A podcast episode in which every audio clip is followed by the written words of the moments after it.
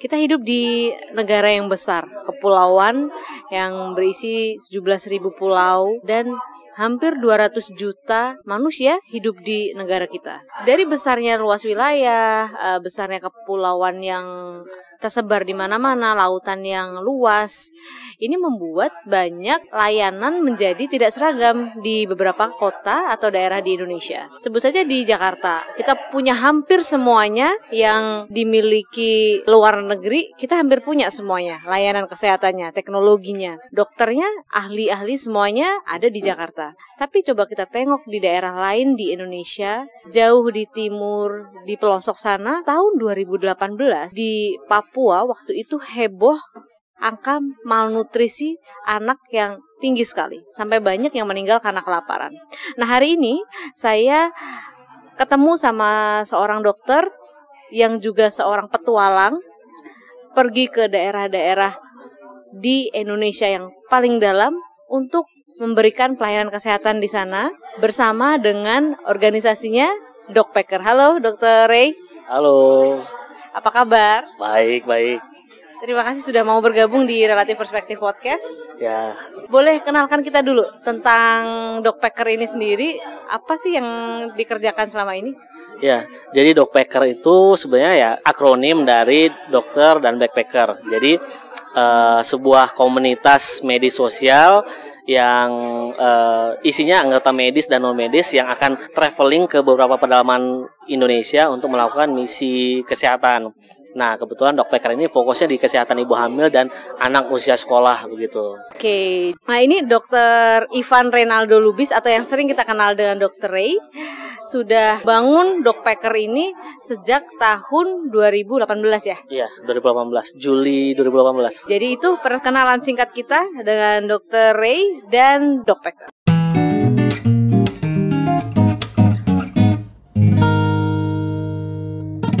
Boleh nggak ceritain ke kita awalnya apa sih yang membuat sampai kepikiran bikin organisasi Dokpacker kayak gini? Uh, jadi dulu ceritanya saya itu PTT-nya di Sumba Barat Daya tahun 2000 Desember 2016 sampai 2017. Nah, situ memang kepikiran mau bikin sebuah apa ya, sebuah komunitas atau sebuah yayasan NGO gitu untuk uh, nolong orang.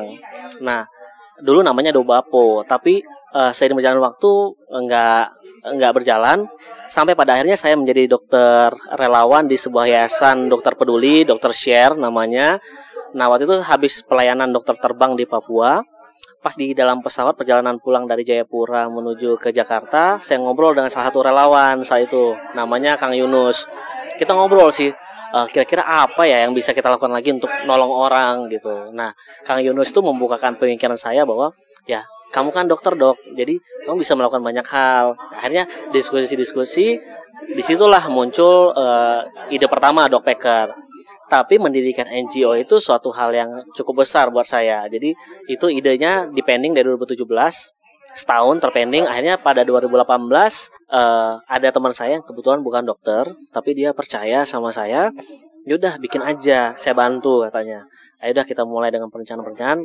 Akhirnya mulailah launching bulan tanggal 27 Juli 2018 di proyek pertama kita itu di Kabupaten Melawi Kalimantan Barat itulah Dokpacker berdiri. Nah, kalau dari kegiatannya sendiri, Dokpacker itu mencakup apa saja sih dari pelayanannya? Dokpacker menyasar ke isu kesehatan yang tidak seksi bagi orang yaitu promotif dan preventif. Jadi kita berusaha untuk mengedukasi masyarakat tentang uh, pentingnya menjaga kesehatan khususnya kesehatan ibu hamil dan kesehatan anak usia sekolah. Jadi kita lebih ke seminar-seminar, kelas kehamilan, edukasi bagaimana menjaga kehamilan dan uh, mempersiapkan modul-modul bagaimana uh, menjaga kesehatan ibu hamil, menyusui dan anak usia sekolah begitu. Hmm, jadi fokus pada promosi dan prevensi untuk semua ibu hamil dan anak-anak ya. Kalau untuk pemilihannya sendiri nih, kenapa milihnya ngerjain promotif preventif? Kenapa milihnya anak-anak? Kenapa ibu hamil?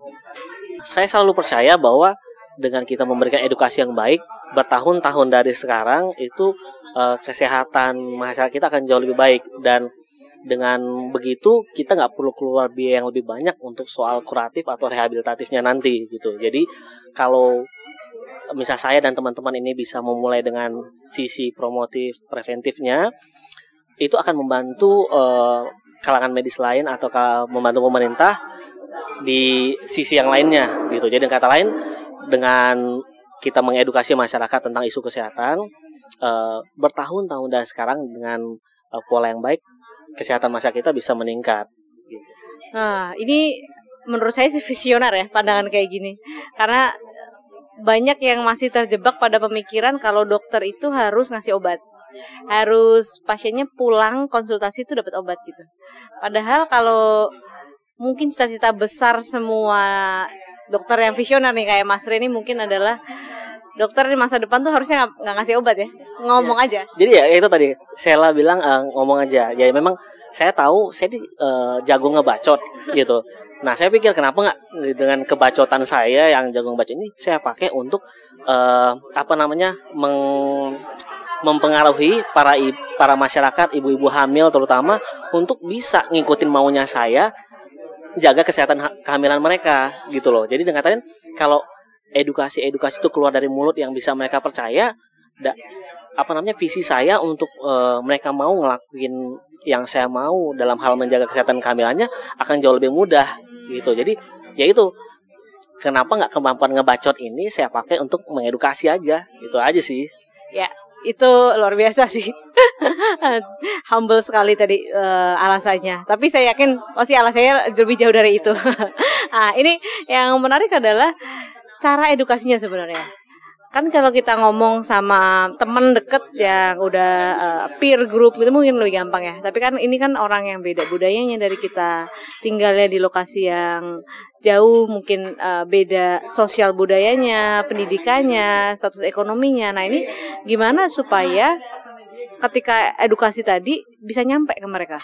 Nah uh, pola itu baru kita temukan di proyek kita yang ketiga kemarin di Sumba jadi kita siapkan beberapa modul eh, berupa gambar-gambar dan kita pakai bahasa-bahasa yang sangat sederhana dan kita coba pakai bahasa lokal setempat. Jadi waktu di Sumba kemarin kita pakai istilah-istilah yang Sumba dan kita libatkan uh, tenaga kesehatan setempat yang bisa mengedukasi dengan bahasa Sumba gitu. Jadi benar-benar pakai gambar dan uh, cara-cara sederhana misalnya menghitung denyut janin normal sehari itu ya dengan karet gelang gitu.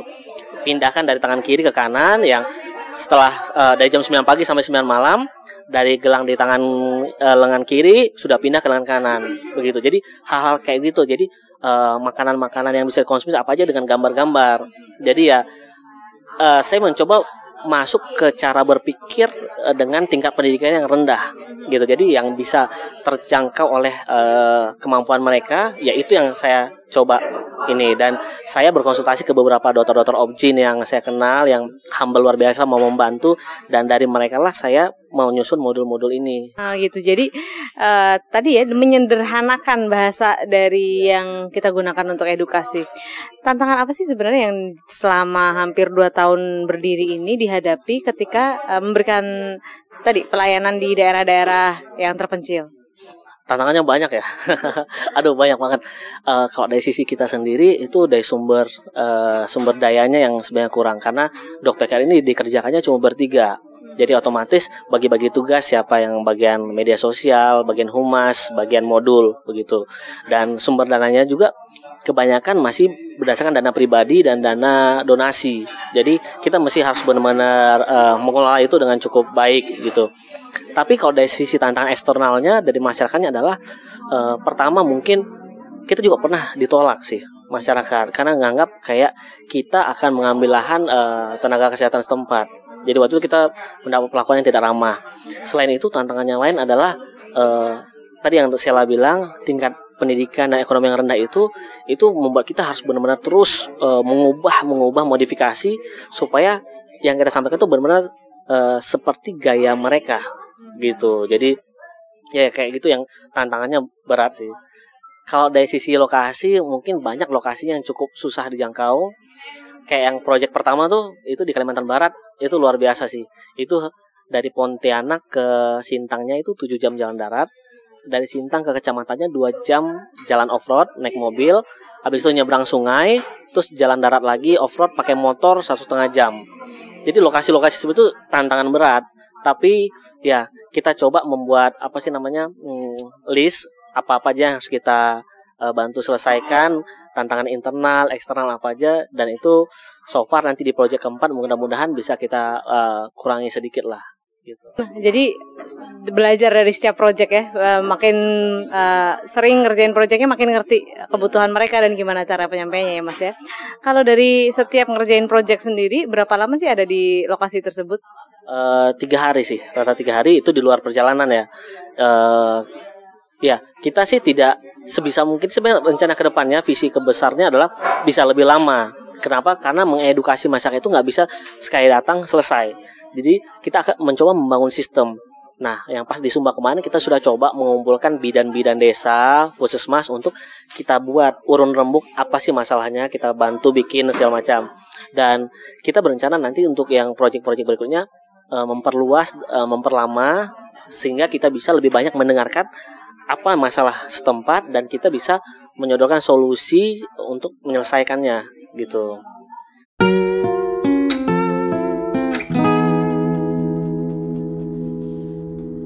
Untuk pemilihan lokasi nih, tadi kan ngerjain beberapa kali di Sumba ya. Ada nggak kriteria khusus? Misalnya tempat yang mau didatangi adalah tempat dengan A, B, C, D gitu misalnya.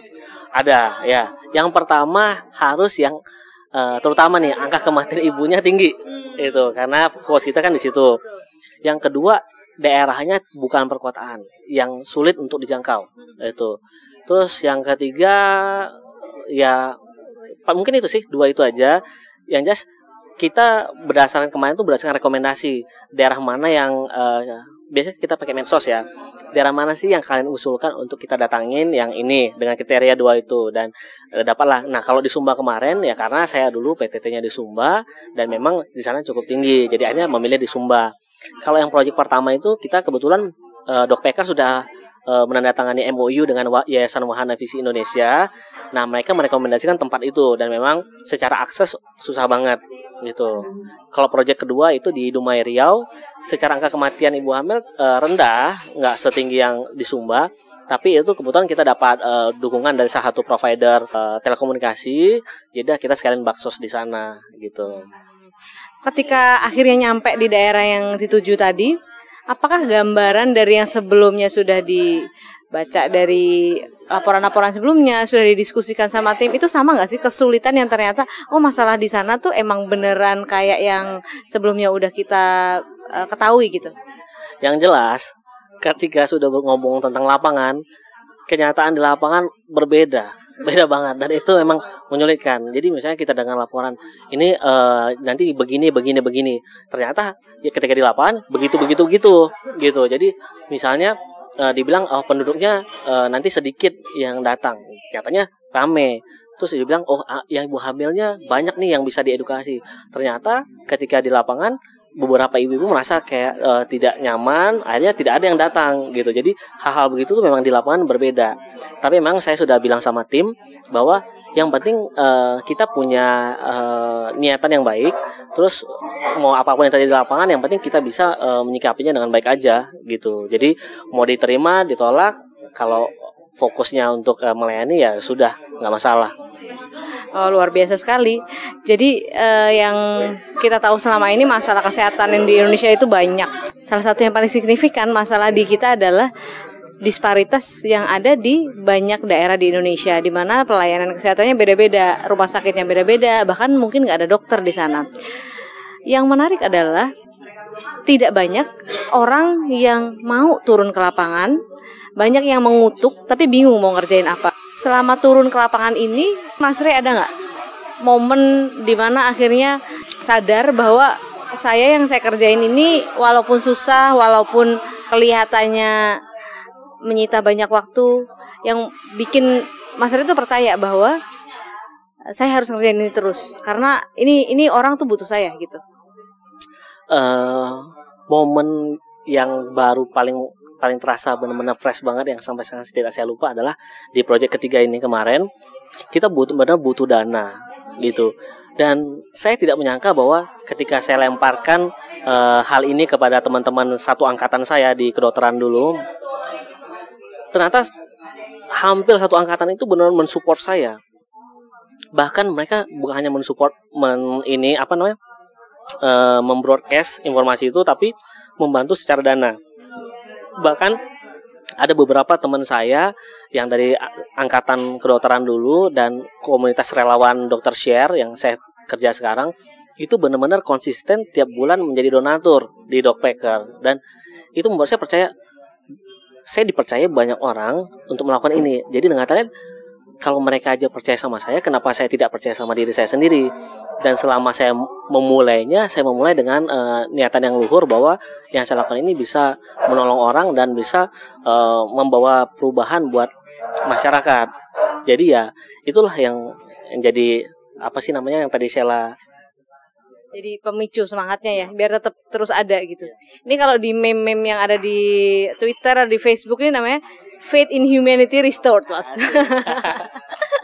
nah, eh, kita balik lagi nih misalnya kalau ketika recruiting dari timnya sendiri tadi selain bertiga kalau ke daerah cukup gak sih cuma bertiga? Oh sama sekali enggak. Makanya ketika kita mau ke daerah itu kita rekrut relawan biasanya selalu dokter kandungan, dokter umum, dokter gigi, perawat, bidan, sama tenaga non medis lainnya. Ya kita butuh orang yang bisa ngambil gambar. Jadi kita kan posting di media sosial. Ya ini yang kita lakukan gitu. Karena di zaman sekarang ini mau nggak mau orang-orang termasuk donatur kita kan butuh bukti yang kita lakukan ini ada. Jadi dengan pengambilan gambar, video itu uh, orang-orang bisa tahu oh kita benar-benar melakukannya gitu.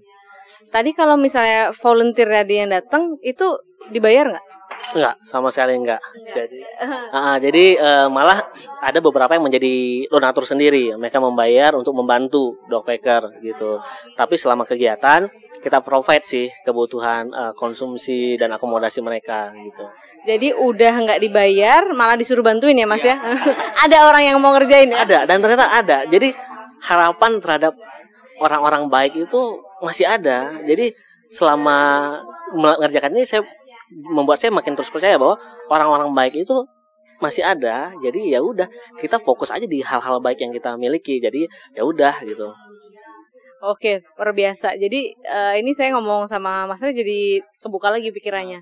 Kalau ternyata banyak orang yang mau melakukan hal baik dan mungkin kayak butuh satu orang nyontoin aja. Uh, Sheila tahu film Patch Adam? Patch Adam ya. ya. Ada satu quote dari Patch Adam bilang gini, I entered uh, medicine to use it as a vehicle for social change. Jadi dia menjadi dokter itu untuk menjadi agen perubahan sosial. Dan belakangan setelah saya mengerjakan ini baru saya ngeh kalimat Patch Adam oh iya yang saya lakukan seperti ini. Sama kayak Sheila membuat bikin podcast begini itu suatu kayak untuk social change gitu. Dengan caranya berbeda. Saya kepelaman Sheila dengan cara membuat uh, wahana supaya orang-orang terpapar isu-isu kesehatan tentang profil dokter semua segala macam. Dan itu benar-benar social change. Dan ya saya merasa semangat berada di dalam hal baik begitu. Saya tersanjung sekali ini. Nggak pernah mikir seperti itu tentang podcast saya sendiri. Anyway nanti uh, ada segmen kita mas di belakang. Itu buat rekomendasi film sama buku. Nanti khusus mungkin ada film-film yang mas Rey mau rekomendasiin ke kita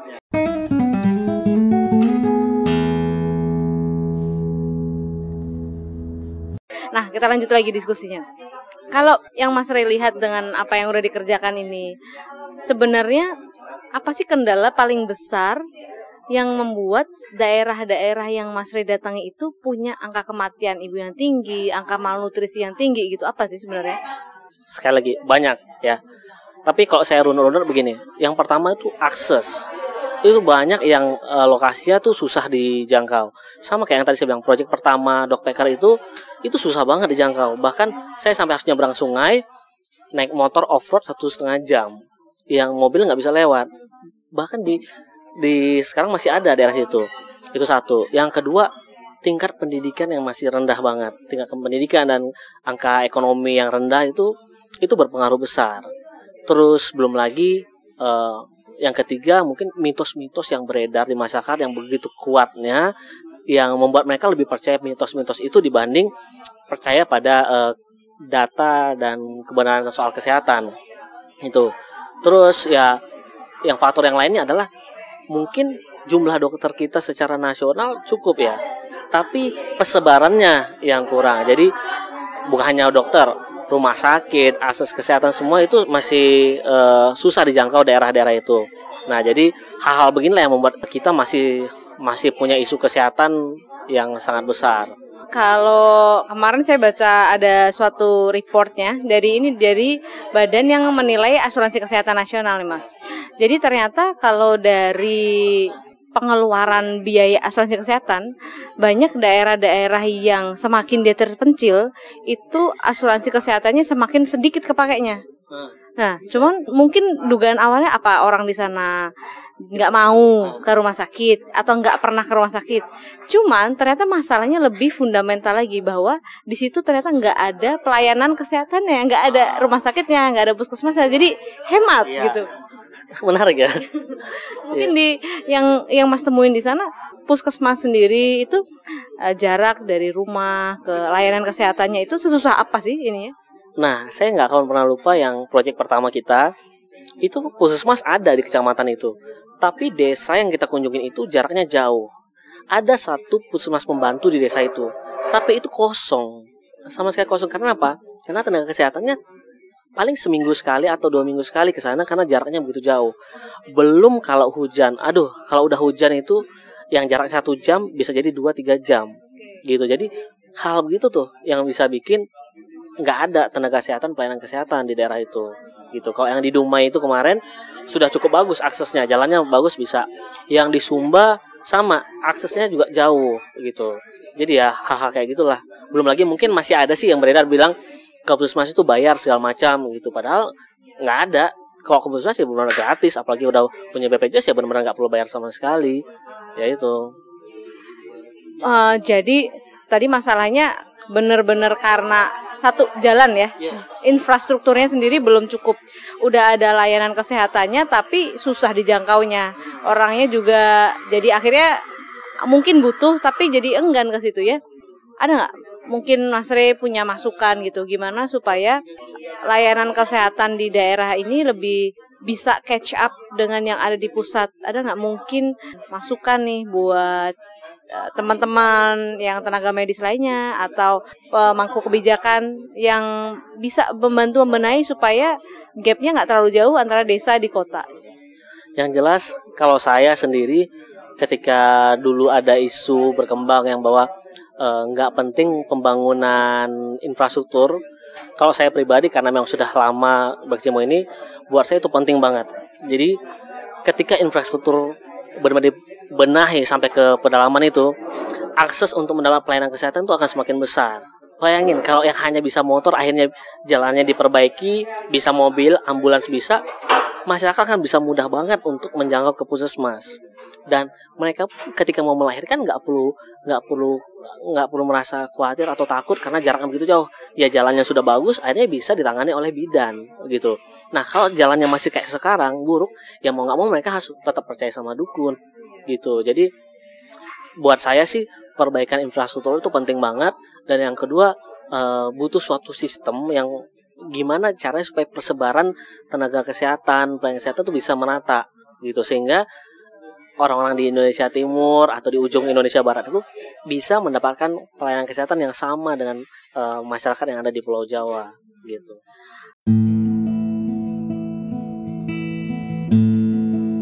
Untuk merangkum diskusi kita, jadi kalau masalah dari perbedaan besar uh, gap disparitas kesehatan di Indonesia ini tidak semata-mata hanya uh, maldistribusi tenaga kesehatannya ya, tidak semata-mata hanya fasilitas layanan kesehatannya yang nggak ada, tapi uh, problemnya lebih luas dari itu, infrastruktur, kemudian pendidikan yang nggak merata. Jadi uh, social change mungkin baru bisa terjadi kalau semua elemen yang membentuk sosial itu bisa diperbaiki juga ke depannya. Betul. Ada tambahan nggak mas? Kayaknya udah dirangkau semua tuh sama Sela. Kayak gitu deh. Oke. Nah, e, meliput tentang bagaimana atau apa yang bisa kita kerjakan kalau setelah mendengar apa yang Mas Re kerjakan mulai tergerak hatinya. Pengen bermanfaat juga untuk orang-orang, e, pengen bisa mengabdi untuk masyarakat? Yang jelas uh, siapa pun kita semua bisa berkontribusi untuk menolong orang.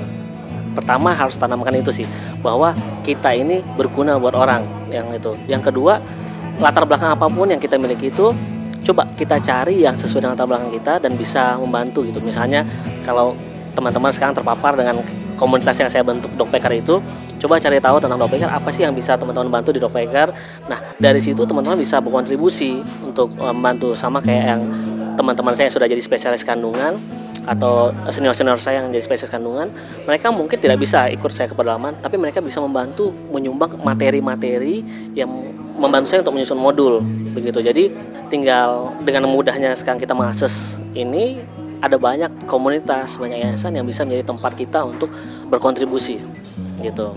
Kalau kita mau ikut sama Dogpacker gimana caranya?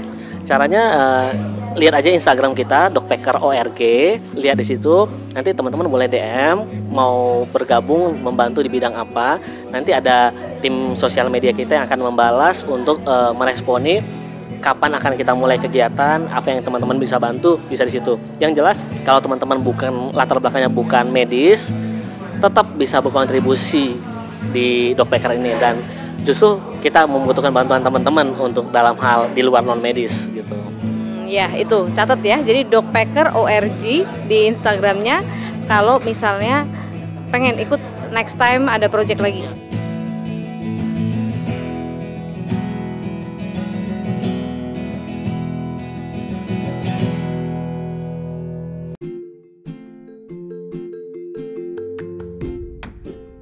Now it's time for movie and book recommendation. Jadi untuk episode ini biasa kita akan merekomendasikan buku dan film yang terkait sama topik yang kita bahas nih tentang uh, disparitas kesehatan yang beda banget, tentang pengabdian di daerah. Aku yakin pasti Mas Ray punya banyak buku atau film yang mungkin bisa kita tonton atau baca kalau tertarik sama isu ini. Iya, tadi sebenarnya saya sepanjang jalan pikir apa gitu ya.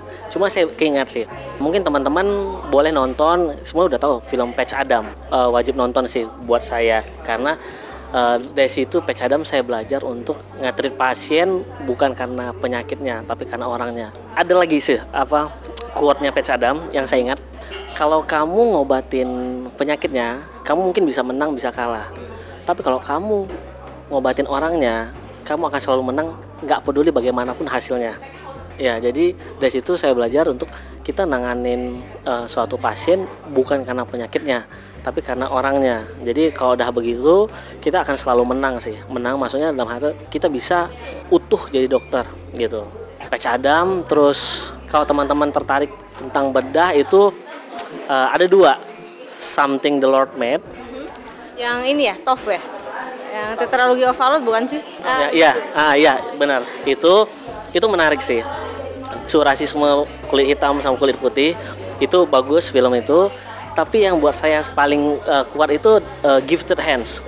Film tentang Dr. Benjamin Carson yang bedah saraf. Nah, um, ada tuh kata kata-kata Dr. Benjamin Carson yang masih saya ingat sampai sekarang. Sebentar, saya saya recall dulu ya. Uh, dia bilang gini, successful people are not uh, they have less problem but they have determined that whatever happen they keep going forward. Gitu. Jadi uh, nggak uh, peduli rintangannya seperti apa permasalahannya bukan tentang rintangannya tapi bagaimana reaksi kita terhadap rintangan itu. Gitu. Jadi itu yang membuktikan kita sukses. Gitu. Itu Benjamin Carson jadi itu dokter bedah saraf yang uh, itu filmnya bagus banget. Jadi ibunya ini buruh cuci eh pembantu lah begitu. Punya dua anak. Ya dokter Benjamin Carson sama kakaknya itu siapa? Meskipun ibunya ini buta huruf tapi dia mewajibkan si Benjamin Carson sama kakaknya itu tiap minggu membaca dua buku dan harus di akhir pekan itu menceritakan resensinya. Belakangan si Benjamin Carson baru tahu bahwa ibunya tidak bisa membaca. Tapi seorang ibu yang punya visi yang menganggap pentingnya membaca itu ternyata berpengaruh kepada si Benjamin Carson dan kakaknya jadi film itu bagus banget sih. Itu. Itu motivating banget ya untuk ya. yang apalagi misalnya lagi jalan pendidikan gitu. Atau di tengah-tengah kesibukan yang tiba-tiba mempertanyakan kenapa ya gue dulu ambil dokter dan seterusnya. Ada lagi nggak? Ada mungkin buku atau yang ini yang buat buku? saya sendiri ini sebenarnya eh, salah satu buku yang buku anak-anak sih. Tapi gara-gara buku inilah saya mak- makanya menjadi dokter yang seperti sekarang. Ada buku seri tokoh dunia salah satu bukunya itu tokohnya adalah Albert Schweitzer. Dia itu sebenarnya pendeta tapi ketika usia 30 memutuskan menjadi dokter. Akhirnya sepanjang hidupnya dia nggak jadi pendeta dia menjadi dokter. Ke pedalaman Afrika dapat Nobel perdamaian. Dan dari situ saya saya dikasih buku itu sama ibu saya kelas 4 SD. Jadi gara-gara itu saya pengen menjadi dokter yang ke pedalaman dan sekarang saya menjadi dokter yang ke pedalaman itu dan saya bahagia banget sekarang. Itu buku itu emang buku komik seri tokoh dunia, tapi itu bagus banget. Mungkin kalau teman-teman yang ini boleh deh baca itu. Kalau mau lebih dalam, saya sarankan baca biografi. Ada satu dokter Eka Julianta, bedah sarafnya UPH, itu bagus. Sama yang sekarang, dokter Lee Darmawan, dokter di Jalan Kemanusiaan. Baca deh buku biografi dokter Jalan Kemanusiaan itu. Di situ kita teman-teman bisa belajar gimana jadi dokter yang benar-benar untuk orang gitu. Itu bagus sih. Oke. Bagus banget ya, ada banyak buku dan film yang bisa kita jadiin list. Kalau ada waktu jadi langsung nonton itu dan baca itu. Kalau dari saya ada satu buku mungkin yang untuk menggambarkan bagaimana bedanya Indonesia ini. Uh, bukunya yang ditulis sama Elizabeth Pisani, judulnya Indonesia ETC, Indonesia etc. Itu tentang perjalanan dia. Sebenarnya jadi si Elizabeth Pisani ini adalah researcher Uh, dulu dia wartawan tapi dia berubah jadi health researcher yang di Indonesia. Terus dia orangnya suka petualang nih kayak Mas Ray nah bedanya dia berpetualang sambil ngeliat perbedaan uh, isu bedanya di Indonesia di timur di barat di seluruh daerah yang dia datangi itu dia ngelihat ada banyak disparitas dan uh, perbedaan akses yang uh, gapnya yang uh, beda banget di pusat di daerah dan di kota dan di desa Ini bukunya bisa dicari di Gramedia nih. Yang ini bisa saya- ada ada Oh, ada bukunya habis ini saya langsung ke Gramedia nih. Oke. Oke, terima kasih banget Mas Ray atas waktunya. Ah, Terima kasih eh, sharing ilmunya, inspirasinya buat kita. Mudah-mudahan lancar terus untuk Dogpacker, kemudian semakin berkembang dan eh, sukses terus ke depannya, semakin banyak bisa menolong dan menginspirasi orang lain. Iya, sama-sama. Eh, saya ingat kalimat bahasa Inggrisnya si Oke. Patch Adam itu. Boleh. If you treat a disease, you will win, sometimes you lose. But if you treat a person, you will always win no matter how the outcome. Kalau nggak salah sih seperti itu. Nanti saya coba cek lagi dah benar atau. Wow, itu quote yang bagus sekali untuk mengakhiri topik kita hari ini dan episode relatif perspektif podcast. See you.